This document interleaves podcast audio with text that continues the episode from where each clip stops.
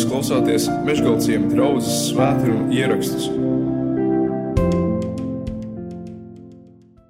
Es vēlēšos nolasīt vēl kādu gabaliņu no Pāvila vēstules efeziešiem, kur ir rakstīts dzīvi darīti Kristū. Tā ir otrā nodaļa, kur skan tādi vārdi. Arī jūs bijāt miruši savos pārkāpumos un grēkos, kuros reiz dzīvojāt pakļauti šīs pasaules varas nesējam, gaisa valsts valdniekam, garam, kas vēl tagad darbojas nepaklausības bērnos. Kopā ar tiem arī mēs visi reiz dzīvojām savas miesas kārībās, ļaudamies miesas un miesas prāta iegribām, pēc savas dabas būdami dieva dusmības bērni, kā visi pārējie. Bet Dievs, bagāts būdams žēlastībā, savā lielajā mīlestībā, ar ko Viņš mūs ir mīlējis. Arī mūs, kas savos pārkāpumos bijām miruši, darījis dzīvus līdz ar Kristu. Žēlastībā jūs esat izglābti. Viņš iekš Kristus Jēzus un līdz ar viņu mūs ir uzmodinājis un paaugstinājis debesīs, lai nākamajos laikmetos Kristu Jēzu mums parādītu savas žēlastības – un laipnības pārplūstošo bagātību, jo no žēlastības jūs esat pestīti, un tas nav no jums, tā ir Dieva dāvana. Ne ar darbiem, lai neviens nelielītos, jo mēs esam Viņa darbs, Kristu Jēzu radīti, labiem darbiem, kurus Dievs iepriekš sagatavojis, lai mēs tajos dzīvotu. Āmen! Paldies, Tev, dārgais Dievs, par Tavu vārdu! Ļauj, lai Tavs vārds runā uz mums! Lai tavs vārds, tavs gars ir tas runātājs. Izmanto mani tikai kā kanālu, savu sakaru kanālu, ko tu, kungs, šodien pilnvaro kopā ar ļaudīm pārdomāt šo tavu vārdu par žēlastību. Paldies Tev par to, ka Tu esi žēlīgs Dievs, ka Tu ne ar mums sodā, bet nāc ar mums savā žēlastībā. Un paldies, ka šī žēlastība ir pāri plūstoša un tā aizsniedz katru vienu no mums. Paldies, ka Tu esi žēlīgs Dievs tajā brīdī, kad mēs uz tevi uzticamies, uz tevi paļaujamies, tev izsūdzam savas nepilnības, nesam pie tevis savas vajadzības. Un kad mēs lūdzamies, lai tu esi mums grēciniekiem žēlīgs, ka tu mūs taisno savā lielajā žēlstībā. Pateicība tev par visu šķīstību manas lūpas, runājot, pārdomājot tavu vārdu. Āmen. Mēs ar sieviņu esam šajā draudzē uzsākuši savus garīgās dzīves pieaugšanas sākumu. Tas ir noticis kāds gadus, varbūt 5, 6 atpakaļ. Un esam arī ļoti izjutuši aizlūgšanas, ko mēs esam fiziski saņēmuši. Mēs esam lūguši un saņēmuši atbildes uz daudzām lūgšanām, aizlūgšanām, un tās ir fiziski izdzīvotas. Varbūt arī sieviņa gribēs kaut ko vēlāk paliecināt, kādu vārdu. Un tas viss ir no žēlastības. Tas ir tikai un vienīgi no Dieva žēlastības, kurā Dievs pie mums nāk caur savu garu, caur Jēzu Kristu. Viņš nāk savā žēlastībā. Un es jūs gribu sveicināt, mīļā draudzē, ar pirmās korintiešu vēstules, pirmās nodaļas, pirmo trešo pantiņu žēlastību jums un miers no Dieva mūsu Tēva un Kunga Jēzus Kristus. Jo ar viņu jūs esat kļuvuši bagāti visās lietās viscaur, vārdos un atziņā. Un tā mazliet pārdomājot par šo žēlstību, es palasīju no kādiem rakstniekiem, ko viņi ir domājuši, un ko Dievs mums savā vārdā grib atklāt par savu žēlastību. 69. psalmā psalma autors dziesminieks saka, lai ūdens viļņi mani neapklāja, lai mani neaprija ūdens virpuļi, un lai atvari pār mani neaizdara savu muti, paklausi mani, kungs, jo dārga ir tava žēlastība. Griezies pie manis savā lielajā žēlsirdībā. Un pagājušā nedēļa man bija tāda žēlastības nedēļa, jo es jau visas nedēļas garumā apmēram zināju, ka kaut kas ir jādomā par žēlastību, kaut kas ir jārunā par žēlastību, un kaut kas eh, jāsmeļās no Dieva vārda par žēlastību, jo ir jau tie notikumi, kur, ko runāt, bet kā arī mēs lūkšanās dzirdējām, ka Dievs ir tas, kas mums ir grēciniekiem žēlīgs. Viņš ir tas, kas mūs apžēlo savas lielās žēlstības, savas taisnības, sava vārda dēļ. Un ka tas nav no mums, tas nav no mūsu varēšanas, no mūsu skriešanas, no mūsu cenšanās, jo Dieva vārds arī sacīs, man patīk žēlastība, nevis upuris. Un tā pārdomājot, ka gan bērni, gan filozofi, gan reliģiju pētnieki un jebkuri cilvēki, kuri interesējas par Dievu, uzdod tādu jautājumu, kāds tad ir Dievs? Un cilvēki bieži mēģina Dievam piešķirt cilvēcisku īpašojumu raksturojumus, un tomēr nāks atzīt, ka Dievs nav un nelīdzinās nekam šajā pasaulē. Jo Dievs ir radītājs, Dievs ir gars, un Viņš nevar radīt, līdzināties radītām, nu, sacīsim, lietām, īpašībām, parādībām. Prātam nav iespējams apējot to, ko zinām, zināmo pēkšņi uztvert pilnīgi nezināmo, jo Dievs ir gars un mēs to nevaram aprakstīt. Mēs aprakstām dziesmnieku, apraksta Bībeli, apraksta dažādos vārdos, un šī žēlastība ir viena no tām cilvēciskajām īpašībām, ko mēs meklējam Dievā un arī atrodam caur dažādiem notikumiem. Mums ir Dieva vārds Bībele, caur kuras lapusēm mēs saņemam šīs atklāsmes par Dieva raksturu, tik cik Dievs mums vēlas pats to parādīt. Jo ir lietas, par ko ir Dieva vārdā Bībelē sal, eh, pasakīts, ka tās jums paliks apslēptas līdz laika beigām. Un, ja kādam šķistu, ka tagad es visu zinu un es jums visu pateikšu, es visu pagājušajā nedēļā uzzināju par žēlastību, tad tā būs ļoti liela kļūda, jo Dieva žēlastība ir neizmērojama, cilvēku vārdos neaprakstām un neaptverama. Jo ļoti bieži ielē, ieliekot Dievu kādos tādos cilvēciskos prātojumos, vai spriedumos, vai prātoļojumos, Man liksies, kāpēc Dievs tā nedara? Viņš taču tā varētu darīt. Un kāpēc šajā lietā viņš tā nedara? Viņš taču tā varētu. Un viņam vajadzētu darīt tā. Protams, kā es gribētu.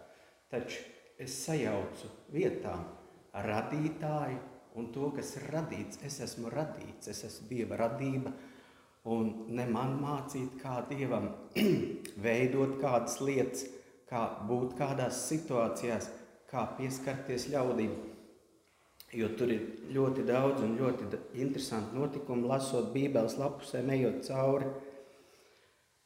Tur ir tāds moments, kur pravietis Ecehēls, tā aprakstīts svētajos rakstos, redzēja atvērts debesis un dievu, un viņam pietrūka vārdu, lai to aprakstītu. Tas bija pilnīgi atšķirīgs no jebkā, ko pravietis līdz šim bija redzējis un kas viņam bija pazīstams. Viņš lieto salīdzinājumu Šo dzīvo tēlu izskats bija kā kvēlojošs oglis. Tas ir Ecehēla grāmatā, pirmajā nodaļā. Kvēlojošs oglis katreiz izskatās droši vien savādāk. Tad viņš salīdzina dieva troni ar dārgakmeni, ko viņš droši vien domā pašu dārgāko, ko redzējis.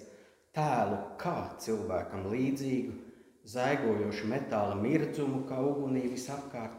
Tomēr tie ir tikai cilvēciskie apzīmējumi tam, kas ir netverams, ko nevar vārdos izteikt, jo Dievs ir radītājs, Viņš nav telpā un nav laikā. Viņš vienlaicīgi ir šeit, vienlaicīgi viņš šodien atrodas, piedalās kādā draudzē Austrālijā, Amerikas Savienotajās valstīs, Ķīnā, Krievijā, Ukrainā un vēl mūsu zināmajās un nezināmajās zemēs, kā arī droši vien Āfrikas kontinentā. Dievs rada pasauli ar vārdu, ar vārdu, lai top. Un iesākumā bija vārds, un vārds bija pie Dieva. Dievs ir bezgalīgs. Viņam nav ne sākuma, ne gala. Dievs ir pārlaicīgs, es uzdrošinos teikt, jo arī laiku Dievs ir radījis. Viņš nedzīvo savā radītajā lietā laikā, bet viņš ir no mūžības uz mūžību tas pats stiprais Dievs, tik brīnišķīgi, ka vienmēr gadā ir tieši 12 mēneši, un tā nav pārsitiena kādā reizē 13, un kādā minūtē nav arī 63 sekundes, bet vienmēr ir 60. Viņš ir ar kārtības dievs, viņš ir saradījis visu ļoti kārtīgi. Mēs pie šīs kārtības mēģinām pieturēties kā pie pulksteņa, laicīgi vai ar nokavēšanos kaut kur ierodoties. Dieva priekšā viss pareizāk it kā būtu klusēt, pieejot pie viņa troņa vislielākajā godbijībā un klusumā. Mums Dieva klātbūtnē visvairāk pienāktos klusēšana, bet mīlestība uz Dievu, kad Viņš mums atklājas, liek runāt. Dieva vārds tā saka, ja mēs klusēsim, tad akmeņi runās. Dieva lietas nav izzināmas cilvēkiem tikai dieva garam un ticība, ticības dāvana, varbūt tas balsts, kur zināšanas un prāts nesniedz, tur sniedz ticība. Gribu nolasīt kādu lūgšanu. Ak, vārdos neaprakstāmā majestāte, mana dvēsele augs tevi ieraudzīt. Es saucu uz tevi no zemes pīšļiem, kad gribu zināt tavu vārdu, tas paliek apslēpts. Tu esi tērpies gaismā, kurai cilvēks nespēja tuvoties.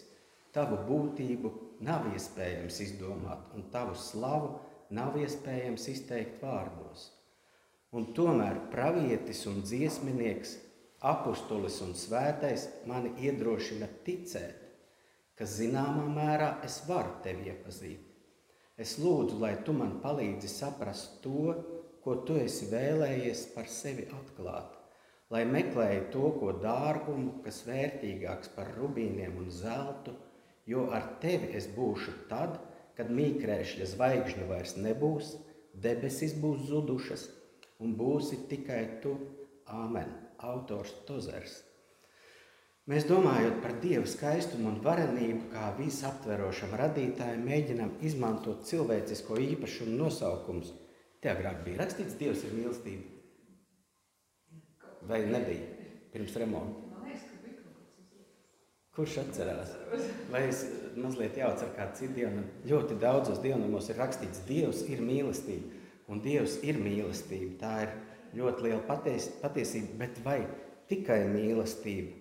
Ka Dievs ir mīlestība un Dievs ir arī mūžīgums, ka Dievs ir pašpietiekams un Dievs ir gudrība, Dievs ir visur esamība, Dievs ir dievišķa viszināšana, Dievs ir visvarenība, Dievs ir žēlastība, par ko mēs šodien pārdomājam un Dieva svētums ir. Šīs nav visas Dievam piemītošās īpašības, ko cilvēks spēj uzskaitīt. Šis saraksts būtu neuzskaitāms. Es dažas izrakstīju, lai atcerētos, ko līdzdalīt. Un šī brīdī, ja mēs pārunājam par to žēlastību, esot pārdomās par žēlastību, tad Dievs ir žēlastības Dievs, kas žēlo to, ko es žēlošu, viņš saka tava, savā vārdā, un sodu to, ko es sodīšu, viņš saka savā vārdā. Un Dievs, kuram piemīt šī te ar svešvārdu apzīmējumā suverenitāte, viņš drīkst tā darīt, kā viņš vēlas darīt, jo viņš ir radītājs. Un mums visbiežāk tikai gribēsies viņu pamācīt, bet tas arī tikai paliks tajā gribēšanas robežās. Kas man nāk prātā dzirdot vārdu žēlastība, vai Dievs savā vārdā mums atklāja žēlastības noslēpumu. Ir teicis Jozefs Kuks tādus vārdus: žēlastība nav nekas vairāk un nekas mazāk par izteiksmi, kas parādās mīlestības sejā, kad tā sastopas ar nepilnību, ar vājumu, ar kļūdām, ar grēku. Žēlastība Bībelē atklājas kā dieva īpašība, kas ļauj Dievam izturēties nevis tā, kā prasītu mani grēki, vai mūsu grēki, vai visu ļaužu pastrādātie grēki un neusticība Dievam, kas prasītos pēc Dieva tūlītējas atmaksas. Cilvēki apkaitina Dievu, ejot cauri Bībeles lapusēm, daudz un bieži. Pašā sākumā Tas jau varētu būt ēdienas dārzā, pirmie cilvēki apkaitina Dievu. Tad seko cilvēku pieaugšana skaitli, skaitliski un vairumā un grēka vairošanās. Un tad Dievs pasaka, to es vairs neizturēšu, es sodīšu no plūdu. Tiek iznīcināta visa dzīvā radība, izņemot to, ko Dievs atzīst tajā brīdī taisnu esam. Un pēc tam Dievs liek varavīgs, un ko mēs arī šodien redzam debesīs par zīmu, un saka, man palika žēl, es cilvēci nekad vairs neiznīcināšu pilnībā. Un tad turpinoši žēlastības Dievs strādā pie savas tautas, pie Izraēla tautas vecajā derībā. Un arī tur viņš parāda lielu žēlastību, izvedot viņus no verdzības, pašķirot jūru, kad viņi bēg no ielainiekiem, pabarojot tuksnesī un dodot padzert no klints, kad viņi ir izslāpuši tuksnesī no šīs klints, kas tālāk vēstulē ebrejiem tiek nosaukt šī klints ir Kristus. Un jaunā derība ir jau mīlestības derība, kur Dievs nolēma neatmaksāt mums cilvēkiem par mūsu neusticību un novēršanos no Dieva, bet Dievs parāda savu uzticību mūsu neusticībā. Viņš pasniedz mums labo vēsti, evaņģēlīju vēsti, kas ir krusta vēsts, kas ir Golgātas krusts, kas ir evaņģēlijs. Patiesībā tā ir mīlestība, kādai tai jābūt. Ikreiz, kad tā sastopas ar nemīlamo, vājo, neatbilstošo, nepelnījušo, nicināmo. Dievs vēlas atsaukties uz mūsu vajadzībām, vai mēs esam to nopelnījuši, vai neesam nopelnījuši. Tā ir tā Dieva nepelnītā labvēlība un žēlastība, pie kuras mēs varam nākt pie Golgātas krusta. Dieva žēlastība izlē mīlestību, laipnību, labvēlību pār visiem, kas viņam uzticas. Cilvēki to nenopelna. To nopelna Jēzus Kristus nopelns pie Golgātas krusta.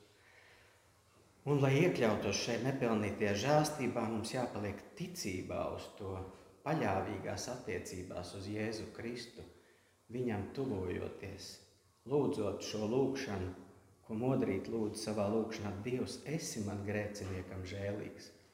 Paklausot viņa vārdam, man un mums visiem iedrošinās teikt būtu jāienāk, jānokļūst, jāietiek attiecībās ar Jēzu Kristu caur lūgšanu, caur sarunu ar viņu Dieva žēlastība mums visvairāk vajadzīga, kad sākam apzināties savas dzīves nevēlamos aspektus, nepareizus lēmumus, ieradumus, rīcību, par kuru kaunamies, jomas, kuras gribam, lai Dievs mainītu, bet kurās mēs baidamies no Dieva soda. Ja esam pieņēmuši Kristu savā sirdī, mēs piedaram Viņam. Mums ir piedots, un Viņa žēlastība mūs apklāja Viņa žēlstība ir tā, kas mūs atbrīvo, tā, kas mūs pārmaina. Tādēļ ir šīs pārdomas, ko Dieva paša vārds Bībele atklāja par Dieva žēlastību. Visos cilvēkos mīl gan labais, gan sliktais. Jūsos droši vien nē, lai cik skumīgi manī gan. Bībele saka, nav neviena taisnība, neviena. Manī un domāju, ka ikvienā ir tas, ko mēs gribam parādīt pasaulē, ar ko lepojamies svētku drēbes, ir arī kaut kas, ko vēlamies labprāt noslēpt, no kā mums nav vērti, par ko kaunamies, kautrējamies. Kaut ko no fiziska, ka es pamazs sportoju, varētu noslēpt aiz apģērba. Mūsdienās mēs dzīvojam vidē, ka mēs tiecamies uz sevis pilnveidošanos, uz sportošanu, uz pašanalīzi, cenšamies uzlabot savu raksturu, ēnas puses, dodamies pēc skaistāka apģērba uz veikalu, sportojam, kā jau teicu, lai uzlabotu to, kas mums pašiem šķiet kā nepilnības, taču ko nespējam uzlabot, cenšamies noslēpt. Tāds nu ir cilvēks. Uzsākot attiecības ar Dievu, mums varbūt šķiet, ka Viņš arī ir tāds pats kā mēs. Kad arī Viņš grib kaut ko noslēpt, Viņš grib kaut ko neievērot iekš mums. Bet mums no Dieva nav jāslēpj savu trūkumu, savas nepilnības, savu nevarēšanu, jo no Dieva nevar neko noslēpt. Tā nu tas ir, ka nevar. Dievs nepieņem mūsu labo un nenoraida mūs kā sliktos, kā nepilnīgos. Viņš saka, dod to visu man, met savas rūpēšanās uz mani. Es tevi gribu atvieglināt. Tā saka Dieva vārds. Dievs saka savā vārdā, atdod man savu labo un arī slikto daļu, un ļauj man tevi padarīt veselu, vienu veselu, nesašķeltu labajā un sliktajā.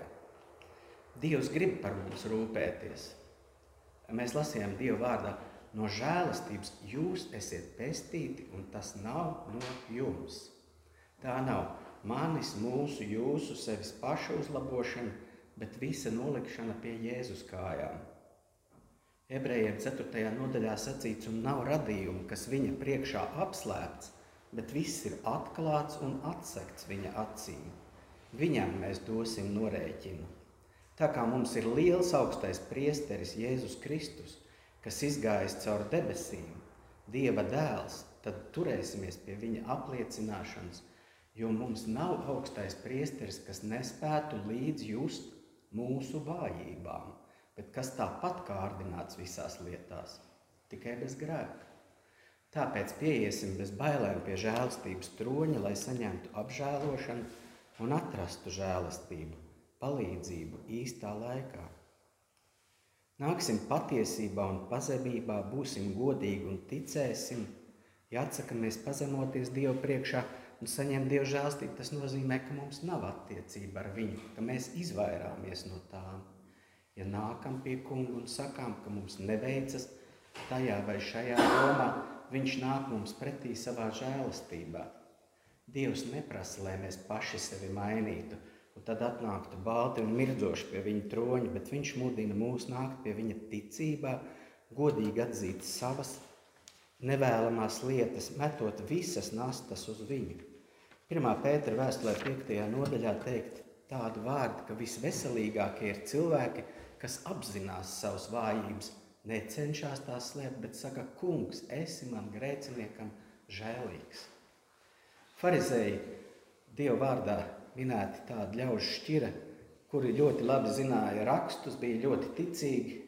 Viņi bija ļoti dievbijīgi ļaudis un centās, cik spēja pildīt tā laika likumu, ko sauc par bauslību, bet viņu motivācija bija atstāt labu iespaidu uz citiem. Jēzus viņus nosauca par nobalsinātiem kapiem.